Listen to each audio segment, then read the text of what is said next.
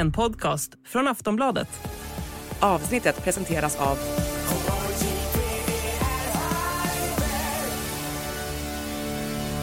Stödlinjen.se, åldersgräns 18 år.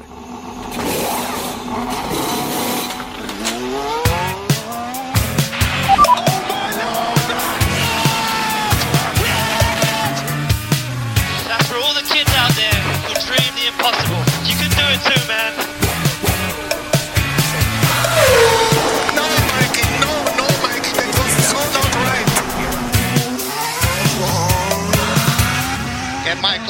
and steering wheel. Steering wheel. Claps and steering wheel here. För ungefär ett halvår sedan så sa vi välkommen till Plattan i mattan, Dino Beganovic, förare i Formula Regional European Championship by Alpin. Men den här gången säger vi välkommen till Plattan i mattan, Formula 3-föraren Dino Beganovic. Välkommen tillbaka och välkommen till F3. Tack så mycket. Tack så jättemycket. Och mästare i Formula Regional, det får du inte glömma. Just det, vilken jävla boom av mig. Det, eh, det sa vi ju, tror jag, när vi avslutade avsnittet som vi gjorde sommaren 2022. Att så kommer det bli. Och så blev det. Så blev det. Vad har hänt sen sist? Det är mycket som har hänt. Ehm, när, jag var, när jag var senast vi pratade, det var i somras, så jag var på Formel 3-testerna i Jerez. Eh, fick en eh, smak, eh, smakbit av Formel 3-bilen och eh, vad framtiden hade, hade att ge. Ehm, och det gick jättebra. Eh, jag var väldigt nöjd med testerna. Jag tyckte det gick jättebra med, med teamet så också. Ehm, farten var också där väldigt bra. Eh, sen efter det så har det varit eh, sista racerna i Formel Original där vi avslutade på topp eh, som jag är väldigt glad över. Eh, det var det som var målet hela säsongen och eh, det är klart efter man har lett sen första racet till sista racet, det är klart man har blivit jagad hela tiden och det är inte alltid lättast. Eh, så nej, det har känts jättebra och sen efter det så har det ju hänt ganska mycket. Jag var på FIA-galan i, i Bologna eh, och eh, lite andra ceremonier hit och dit, men försökt vila upp mig lite eh, nu under jul och nyår för den nya säsongen som kommer. Mm, och den har ju redan startat kan man ju säga. För vi har ju sett dig köra omkring i eh, Mellanöstern här med eh, fina resultat.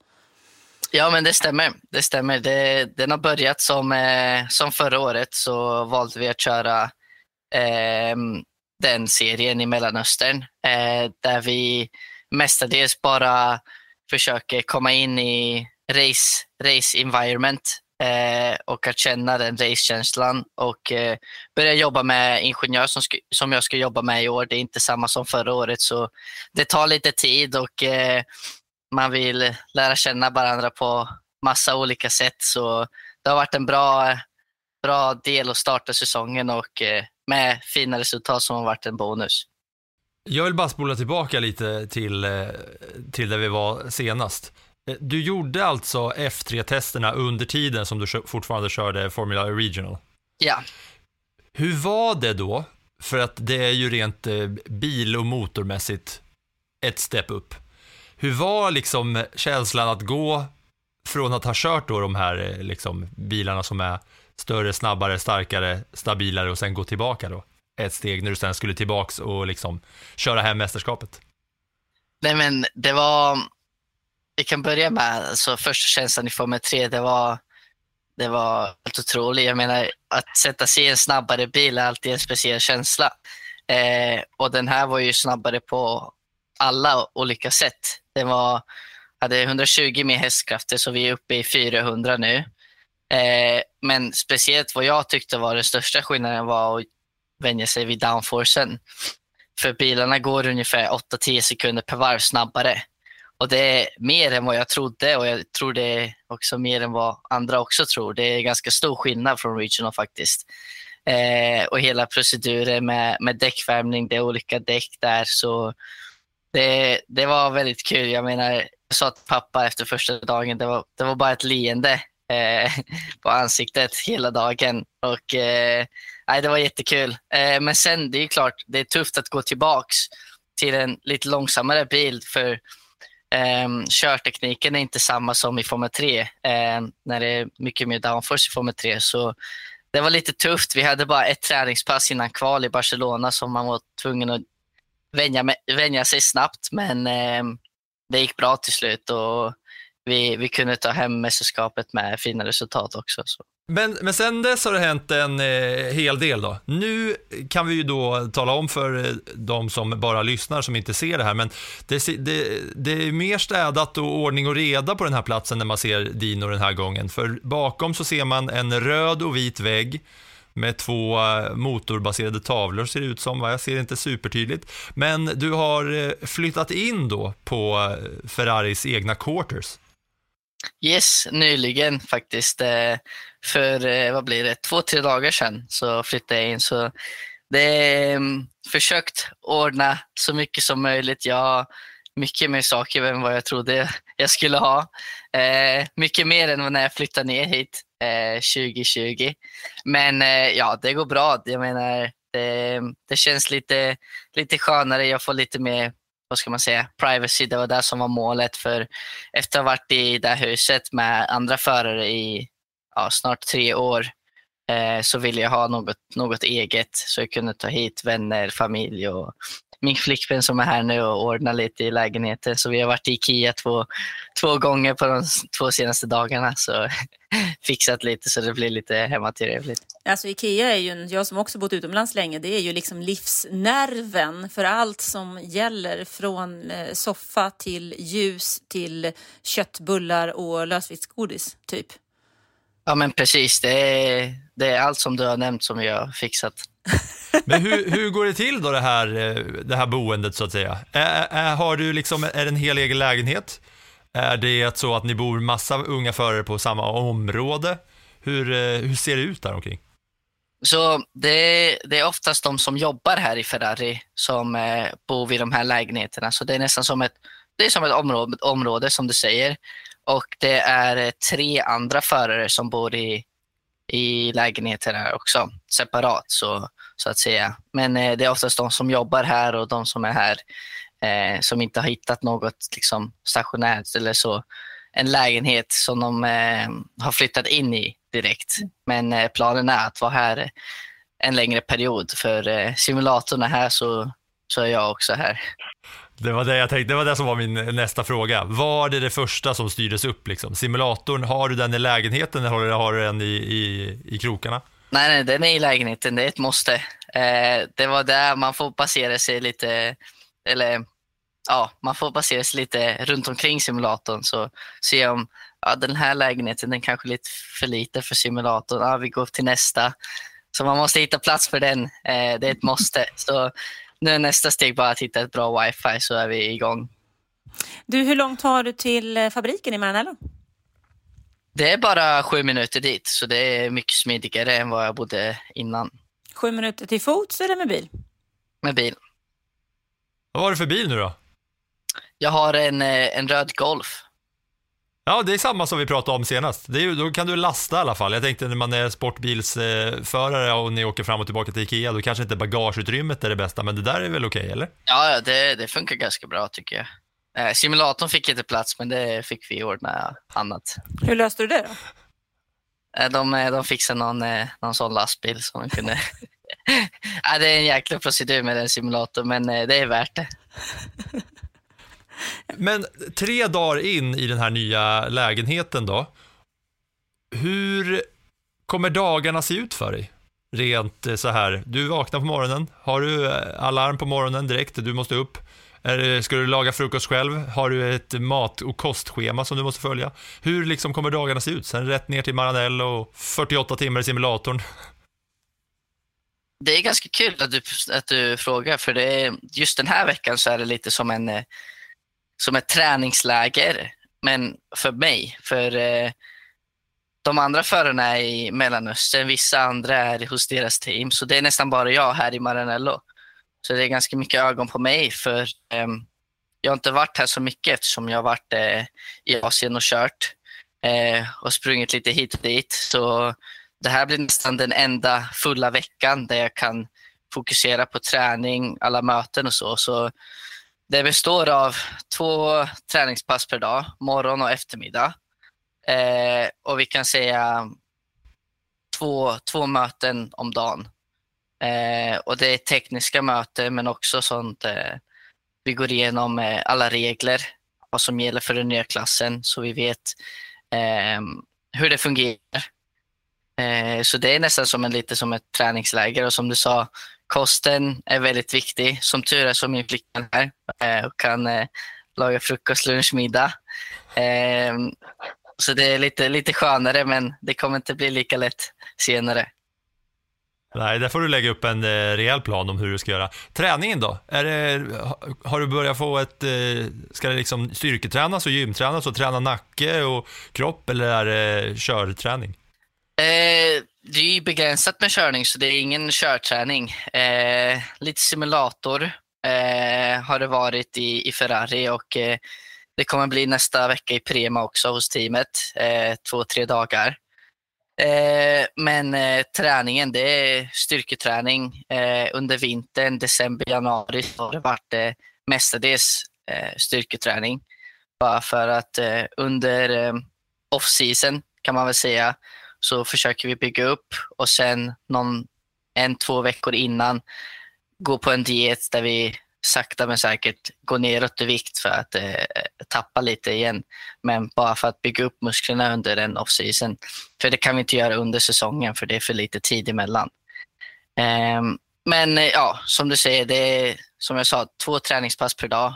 Eh, oftast på morgonen så blir det styrka och sen på eftermiddagen så kanske det blir lite, lite lättare kondition som typ paddel eller cykling eller sånt. Jaha, har du, har du någon bra paddelkollega att lira med? Eller? Ja, men eh, de börjar bli okej här eh, i Ferrari. Inte riktigt på min nivå än, men de börjar bli bra.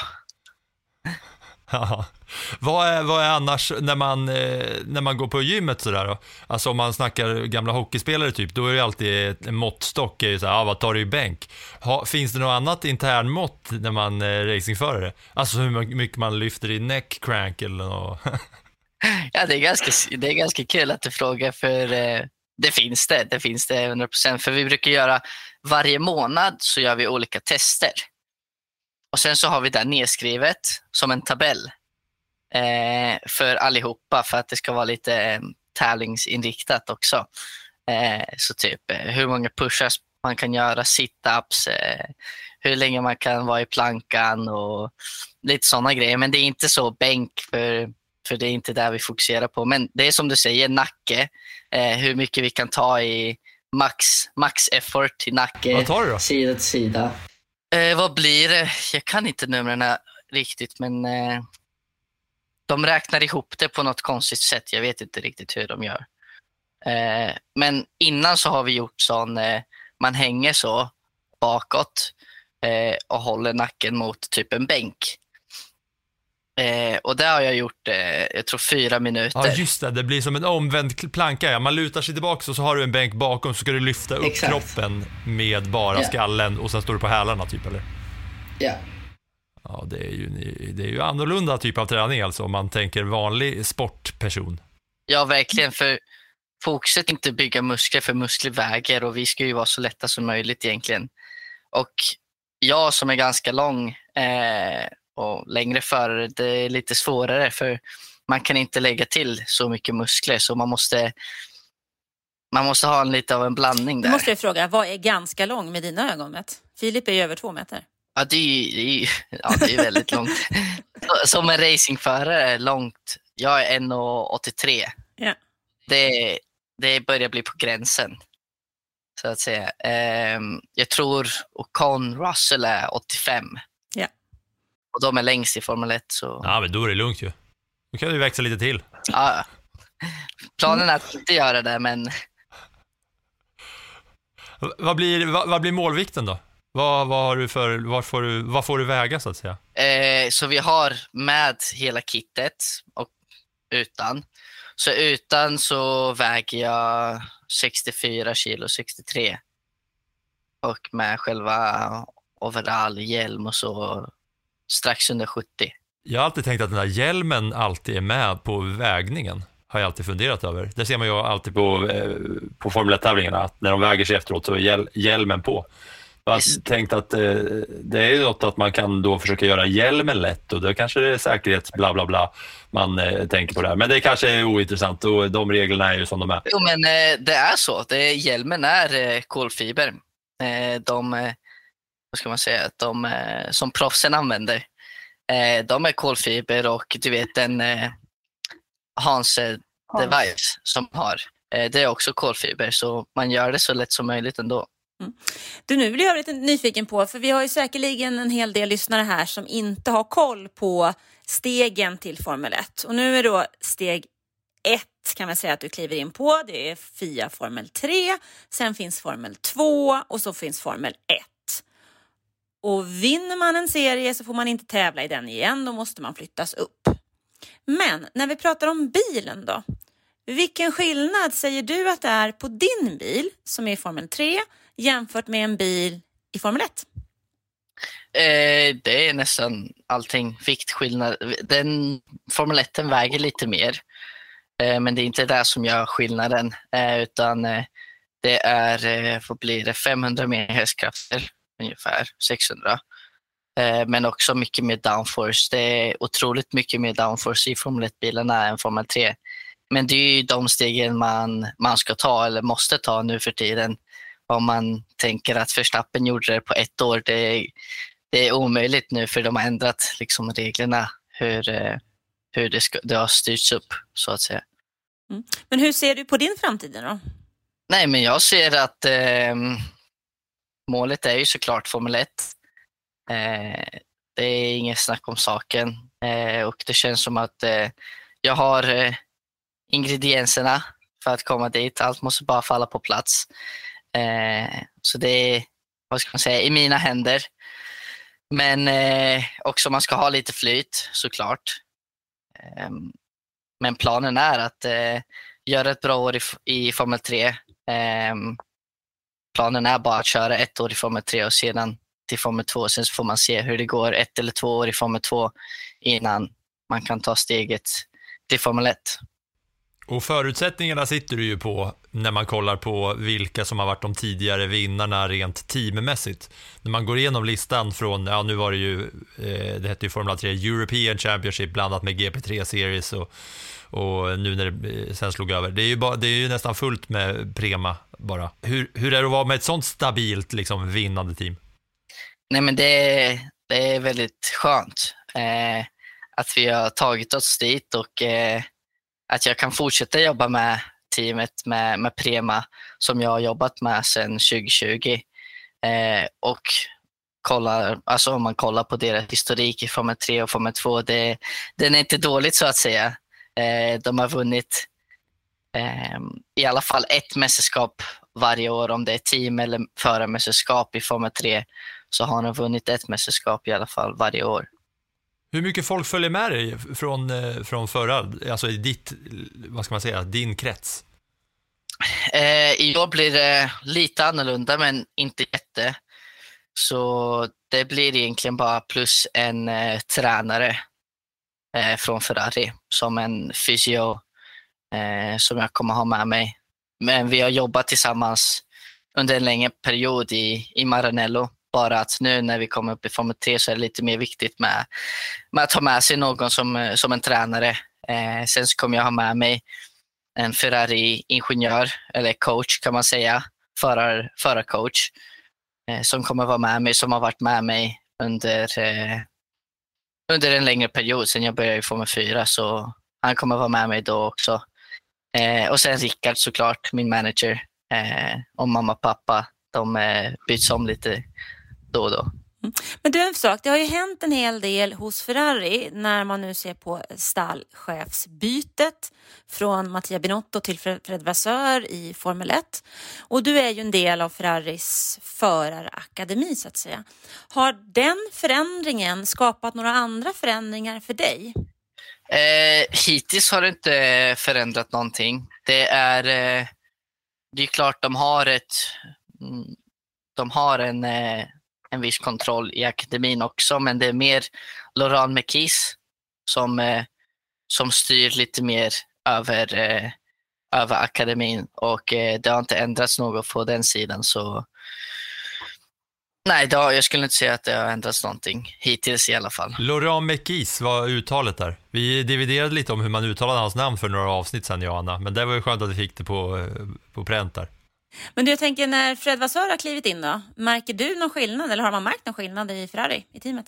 Nej, alltså hittills har jag inte märkt någonting faktiskt. Så vi får väl se när allt, eh, allt drar igång om eh, det blir lite byten eller så. Men jag tror han kommer kanske ta det lite, ja, jag vet, det är inte lugnt, men eh, jag tror inte han kommer göra stora förändringar i, i själva fabriken eller så. I, Det hade varit kaxigt kliva in direkt och eh, rodda om rejält i ett av de största mot motorteamen genom alla tider. ja, Du, vi hade tänkt eh, att vi ska, nu när det är nytt med F3, du har redan eh, slussats in lite och säsongen är, är på gång. Vi tänkte se här nu, i och med att det är nytt, eh, vad du har för koll på F3 och dess historia. Så vi tänkte köra ett litet F3-quiz med dig. absolut. Hey, I'm Ryan Reynolds. At Mint Mobile, we like to do the opposite of what Big Wireless does. They charge you a lot, we charge you a little. So naturally, when they announced they'd be raising their prices due to inflation, we decided to deflate our prices due to not hating you. That's right. We're cutting the price of Mint Unlimited from $30 a month to just $15 a month. Give it a try at mintmobile.com slash switch. $45 upfront for three months plus taxes and fees. Promo for new customers for limited time. Unlimited more than 40 gigabytes per month. Slows. Full terms at mintmobile.com.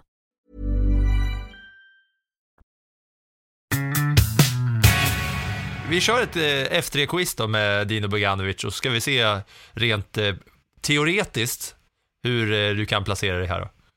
Ja, När startade den här upplagan av F3? startade 2019. Ja, hur många förare från eh, den griden finns i F1 idag och vilka är det? I F1 menar du? Hur många förare från F3 2019 finns i F1 idag och vilka? Det finns eh, Tsunoda, eh, Logan Sargent, Piastri. Eh, nu ska vi se. Jag tror det är det. Ja, det var nästan rätt. För Piastri körde inte förrän 2020.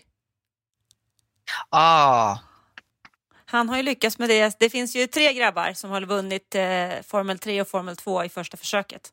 Vilka? Formel 3 och Formel 2. Ja, fast vi kan, där, där tar vi med eh, GP3 också, eh, eller GP3 också för att det ska bli något. Jag tror det är Piastri, det är Charles och det är ehm, Russell. Snyggt! Ja, det är otroligt. Ja, Ja, grymt. det är bra. Eh, då ska jag slänga in nästa fråga då. Jag undrar hur säsongen ser ut. Hur många race är det till exempel? Det är eh, 10 race, 10 racehelger. Eh, men det blir 20 race totalt, så 10 feature races och eh, 10 sprint races.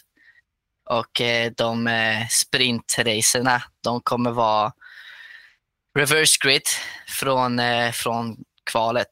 Jag tror det är topp eh, 13 om jag inte har fel. Ja, det ska jag säga om eh, det stämmer där med topp 13. Anna, har du koll på den? Ja. Nej, den har jag faktiskt inte koll på. Nej, vi, vi räknar med att det förmodligen är rätt då. Ja, Men där, Ja, det, det stämmer ju med mängden i alla fall. Det är lätt att se. Ja. Ja. Däremot var en annan sak som jag tycker är lite kul som man inte har koll på, eh, tänker jag om man är F1-koll- eh, F1-förare. Hur många poäng ger en pole position? i Formel 1. Nej, hos dig. För i F1 ger de inga poäng alls. Oj då. Det kanske är eh, fyra. Nej. Två. Ja, skönt att du fick fel där i alla fall. Ja, nu när du har börjat så exemplariskt. Det var uppiggande att det blev ett fel. Det, det där var bra. Det var en bra fråga. Ja, det är bra att det är eh, två pinnar. Då är ju pole position eh, mycket viktigt. Vet du hur många, hur många poäng man som förare kan ta som max då under en helg? Har du räknat ut det? Vad du ska maxa? Eh, så det är 10 poäng, jag tror jag, för sprintrace, 25 för feature race. Um, Och sen snabbaste varv på det. Ja, du. Är det 40... 41, 42? 39. Du får faktiskt inget, varv för, du får inget poäng för snabbaste varvet, du får bara en, en fjäder i hatten. Men däremot då, så p- två pole position, så har du plockat fyra extra pinnar. Det där var ju inte bara ett F3-quiz, det där var ju även liksom matteprov. Ja, men jag, te- jag tyckte Jag att, satt med alla siffror framför mig här och bara såg den här liksom Ja, jag eh, matematik-giffen att, eh, framför mig.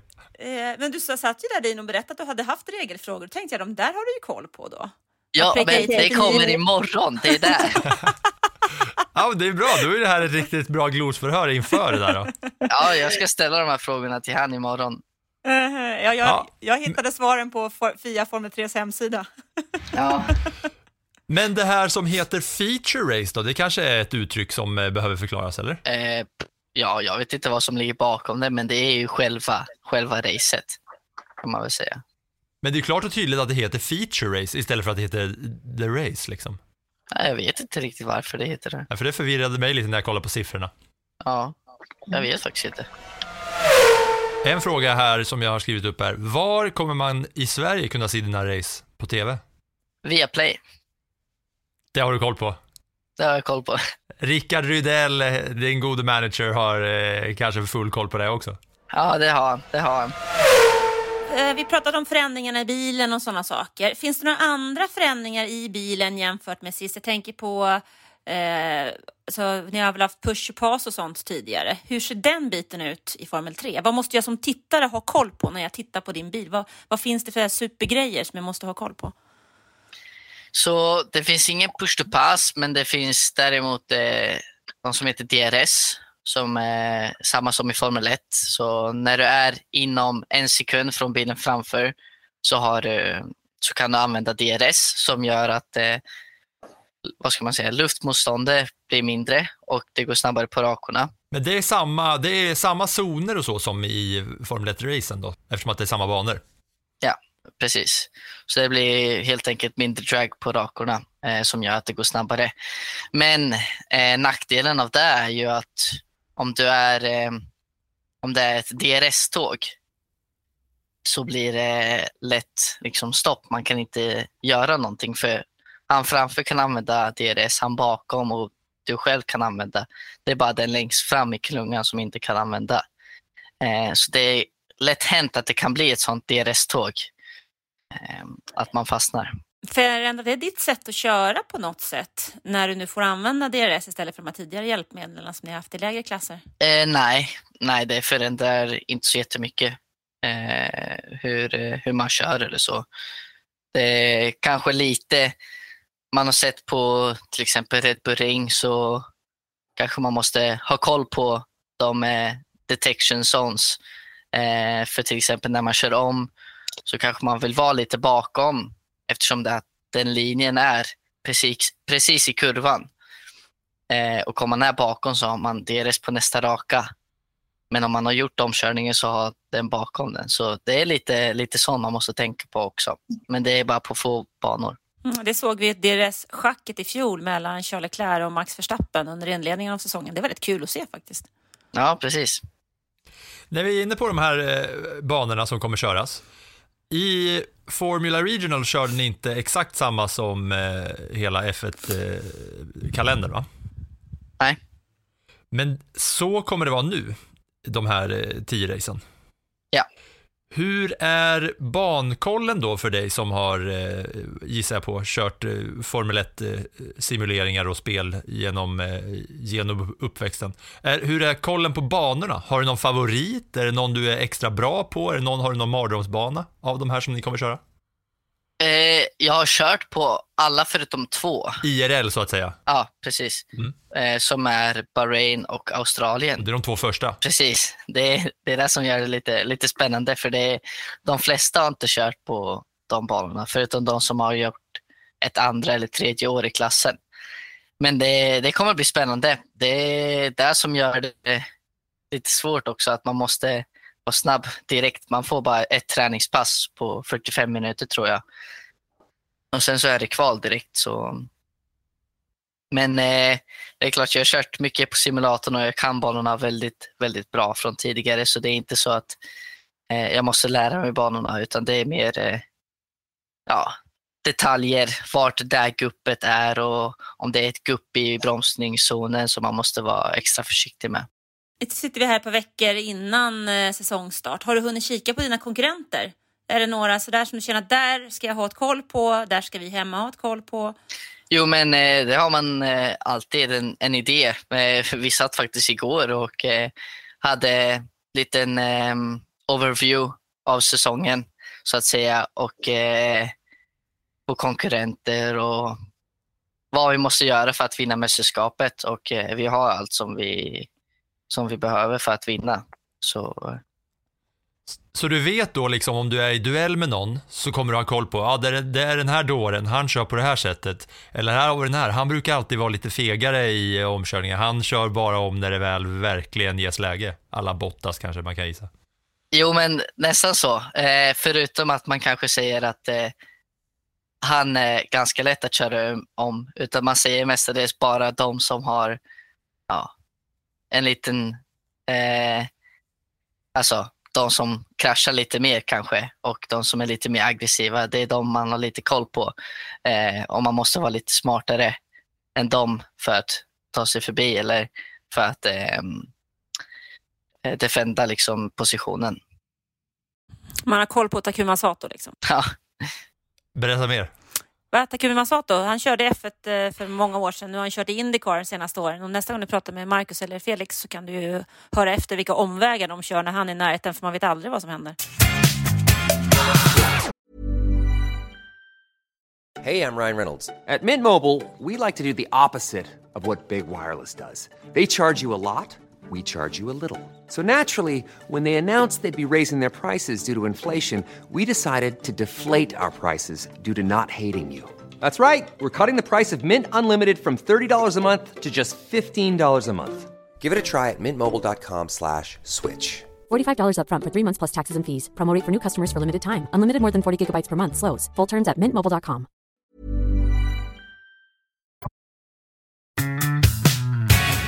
Jag vill gå tillbaka lite till schemat här på, eh, på kalendern. De här två första racen då, eh, det är ju alltså anledningen till att du inte har kört dem är för att det är de enda som är utanför Europa gissar jag på. Alla andra race under säsongen är in i, i Europa. Ja. Men när du, då, när du då kör simulator, för du har ju kört då de här andra banorna och så har du kört dem i simulator oändligt många timmar. Hur exakt är simuleringarna tidsmässigt? Hur likt är det liksom? De i, ehm, de i Prema är ganska lika eh, när vi kollar på data eh, och tider. Men det kommer aldrig vara liksom samma känsla som när man kör på riktigt. Man saknar ganska många delar av det. Och sen det här som jag kör hemma, det är också, det kan vara nära i tid också. Datan kanske inte stämmer riktigt exakt så här i bromsning och, och sånt. Men eh, det är bra för att lära sig banorna och för, bara för att komma in i, i rytmen av banan. Eh, så man vet eh, vad som händer och eh, bara för att få den känslan. Men det är inte så att du kör flera sekunder snabbare på riktigt sen eller? Nej, nej, nej, det händer sällan. De här två första banorna då, eh, Australien och, eller Bahrain och Australien, eh, som du inte har varit på förut. Vilka svar vill du ha av de helgerna? Jag ska inte säga okej start, men lära sig så mycket som möjligt. Liksom. För eh, det är en lång säsong. Vi har sett under alla säsonger i Formel 3 har varit att eh, vi har kollat på lite stats och så. De som har vunnit mästerskapet, de har oftast kvalat utanför topp 5 i första racet, i första två helgerna. Så det betyder in, absolut inte att man inte kan fighta som mästerskapet bara för att man har dålig helg. Så eh, ja, lära sig så, så mycket som möjligt ha en stor learning curve kan man säga. Men det här med att leda från första till sista race som du är van vid. Det kanske du inte har satt som eh, krav på dig själv eller? Nej, inte som krav, bara att jag är där i slutet. Sen eh, om det händer så, så är det bara en bonus. Du, det är några sex spännande månader här du har framför dig. Är du exalterad? Verkligen. verkligen. Jag kan eh, inte vänta. De eh, testerna börjar nu i februari. I mitten av februari så har vi, jag tror det är två dagar test på Bahrain. Eh, två veckor innan första racet. Så eh, det kommer bli spännande. Kommer du komma närmare rent så här, vad ska man säga, rent fysiskt också, Formel 1, i och med att ni är på samma banor? Kommer ni dela lunchrum med F1-förarna och sådana där grejer? Eller hur? Vad vet du om det? Förstår du vad jag är ute efter? Ja, jo, men jag förstår. Liksom, eh, vi är ju där samtidigt som dem och vad ska man säga? Eh, om man gör ett bra jobb så kanske man får sitta där inne med någon Formel 1-förare. Men annars får man eh, kolla lite mer på datorn och se vad man kan förbättra. Men det är klart som du säger, det är ett steg närmare målet att eh, kliva upp i Formel 3 och eh, ja, det är där, det är där jag siktar liksom. Men jag tänker så här, ni kör era race eh, samma helg, det är samma banor. Låt säga att du kör som en gud i, eh, när det är dags för Monaco. Kommer du kanske kunna få vara, ha, liksom, vara med i, i, eh, inuti, inuti, eh, inte i depån, men i kulisserna där under storracet eller får ni sitta på läktaren? Vad vet du om det? Nej, men eh, det tror jag. Jag har redan eh, fått vara med om det eh, förra året i Monaco där jag, där jag vann så fick jag lite som ett pris att vara med. Eh, först ha lunch såklart i hospitalityt, men också för att vara med mm, under racet där eh, ha på mig radion och eh, lyssna och se hur, hur de jobbar och mm, mötet innan racet, mötet efter racet. Så eh, nej, det, var, det var ganska kul och, eh, eller ganska kul, det var väldigt kul. Men det är också ganska kul story för dig i Monaco. Det var, eh, det var lite som en, det var lite stress för racet blev ju försenat lite eftersom att det var ett röd, en röd flagg. det började regna och så. Och, eh, ja, exakt. Och eh, när jag var där så hade inte jag något internet heller för i Monaco det, det är lite dåligt med det. Så jag hade lite dålig koll på allting men så fort jag fick wifi så fick jag reda på att jag ska på middag med prinsen från Monaco som ett pris för att ha vunnit racet. Och eh, sen så står ju det som en inbjudan och dresscode och så. Jag hade ingen kostym med mig till en racehelg. Liksom. Så jag frågade dem i Ferrari, de skulle fixa så. Um, först det ena var inte elegant nog för att ta med och sen så fick jag låna Antonio Giovanazzis eh, kostym för den kvällen. Um, för att jag inte hade min med mig. Eh, så det var, den var lite stor men annars så passade den ganska bra. Och det, vart var det här då? Vad heter han? Prins Albert av Monaco. Det är ju en ganska maffig vy där uppe, eh, slottet i, i Monaco, med otrolig utsikt över en av eh, världens coolaste arenor, Stade Louis II, där nere. Diamond League-plats och även Monacos gamla arena. Vart var ni och käkade? Om man tänker eh, längst upp på banan, innan tunneln, så åker man upp lite mer. Så är det nästan som en halvö med en stor restaurang. Det är nästan som en konsert eller så, ser det ut som. Upp förbi kasinot, man kör förbi kasinot på höger sida, sen är det bort uppåt lite vänster till. Precis. Och eh, när jag skulle till depån eh, innan racet så tog det en och en halv timme för mig att gå dit. Och att åka bil det tar ännu mer tid. Från vår depå till F1-depån så tog det en och en halv timme. För vi var tvungna att liksom gå liksom hela vägen över allting, för allt var ju blockerat eh, eftersom banan Eh, men sen så fick jag lite, lite av en lyx, eh, lyx eh, ride så att säga. Så jag fick åka båt. Eh, så jag kom till, till prinsen med en sån eh, båt med lite Ferrari-folk och sen så var det, sen så var det en fot, två fotbollskillar från Juventus. Jag visste inte riktigt vilka de var. Eh, så jag frågade min lillebror så jag skickade en bild på dem. Och han bara, va? Vad gör du med dem? Jag bara, jag, vet, jag hamnade på samma båt som dem för de var med med Ferrari som gäster under racet. Ah, det är ju Chiesa som spelar Juventus och Vlahovic. Eh, och de är toppspelare där och jag bara, Ja, nej, men ser man på. Ja, Chiesa är ju inte bara toppspelare i Juventus, det är även en eh, superstjärna rent i Italiens landslag och sådär. Det var han som petade ut Kulusevski ur Juventus också. Vlahovic, den eh, superstora anfallsstjärnan. Men hur var det, hur var det sen då? Träffa prinsen av Monaco och såna grejer? Nej, men det var, det var coolt. Det var, det var speciellt. Så vi satt i mitten av den. Eh, eh, det, det såg nästan ut som en gala. För eh, det var jättemycket annat folk där eh, från Monaco antar jag. Så vi fick sitta i mitten där, eh, bordet bredvid honom. Sen så var det massa visningar, sen så hade vi sån eh, middag.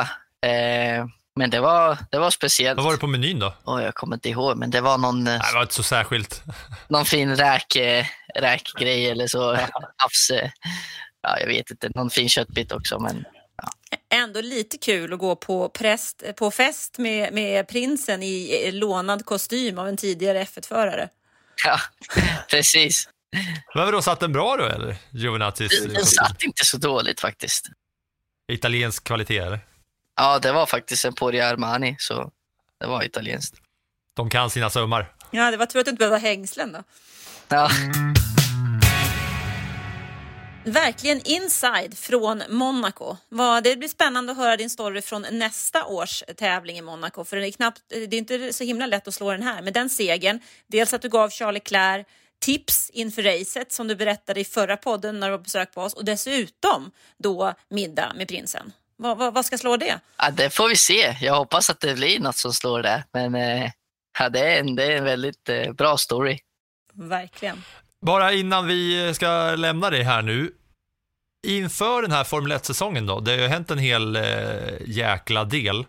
Om du får eh, tippa topp eh, 5 eller topp 10 den här säsongen, nu, vad kommer det, hur kommer det gå? Jag hoppas Ferrari är starka i år igen. Det känns som att eh, de har fått lite, lite tid att landa. Eh, det kanske var lite mycket förra året eh, med allting från media och så. Så det känns lite som att de har landat. Så jag tror de kommer inleda säsongen bra igen, som de gjorde förra året i Bahrain. Det har ju kommit, det har kommit lite rapporter om att de har hittat 30 nya hästkrafter i simuleringen. Det är ingen inside du har från eh, din plats eller? Nej, jag får inte veta något sånt. Men eh, vi, vi får hoppas att de har det. Ehm, men ja, jag tror Mercedes också kommer vara starka. De har fått ihop mycket data från förra året, men de, det känns ändå som att de kommer ha det tufft lite i början kanske. Red Bull kommer vara starka hela säsongen känns det som. Så, nej, men det kommer vara, jag tror det kommer vara mer spännande än förra året eftersom alla tre team kommer vara ganska lika känns det som. Och av alla nya förare då, vem tror du mest på? Eller minst på? Jag tror mest på eh, Oscar Piastri. Eh, vi körde ju i samma team då. Jag körde Formel 4, han körde Formel 3 och, när jag körde Regional, han körde Formel 2. Han är en väldigt bra kille, men också han är en jävel på banan. Liksom. Han, han är väldigt snabb och klok. Så jag tror eh, nog mest på honom. Och minst då? Vem tror du minst på av alla? jag vet inte, det kan, Hulkenberg kanske kommer ha det lite tufft. Han har inte varit eh, med så länge. Eller han har ju varit med länge, men det känns nästan som att den nya bilen är lite speciell att köra och om man inte har den tiden som man behöver i, i bilen så kanske han kommer ha det tufft. Men jag tror också Kevin är väldigt stark i, i bilen också. Så ja, vi får väl se. Vi får väl se ja. Det är ändå häftigt att du nu är på steg nummer ett i den här trestegsraketen mot Formel 1. Verkligen. Ja, det är ju bara ett steg kvar sen ja. I den då så att säga klassiska eh, road to formulet Formel 1 via de olika stegen. Ja, vad väntar för dig härnäst nu då? Du eh, är, då har du haft ditt glosförhör med oss här, så då kommer du få alla rätt på teoriprovet imorgon då, eller?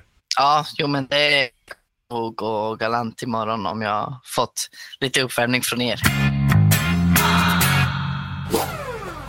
Då får vi tacka så himlans mycket för att du tog dig tid att snacka med oss igen.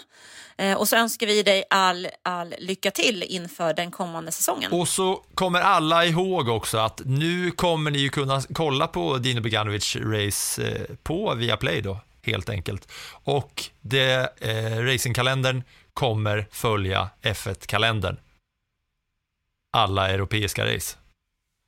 Ja, Dino, tusen tack för att du har varit med oss igen och stort lycka till i Formel 3-säsongen. Tack så jättemycket. For all the kids out there who dream the impossible, you can do it too, man.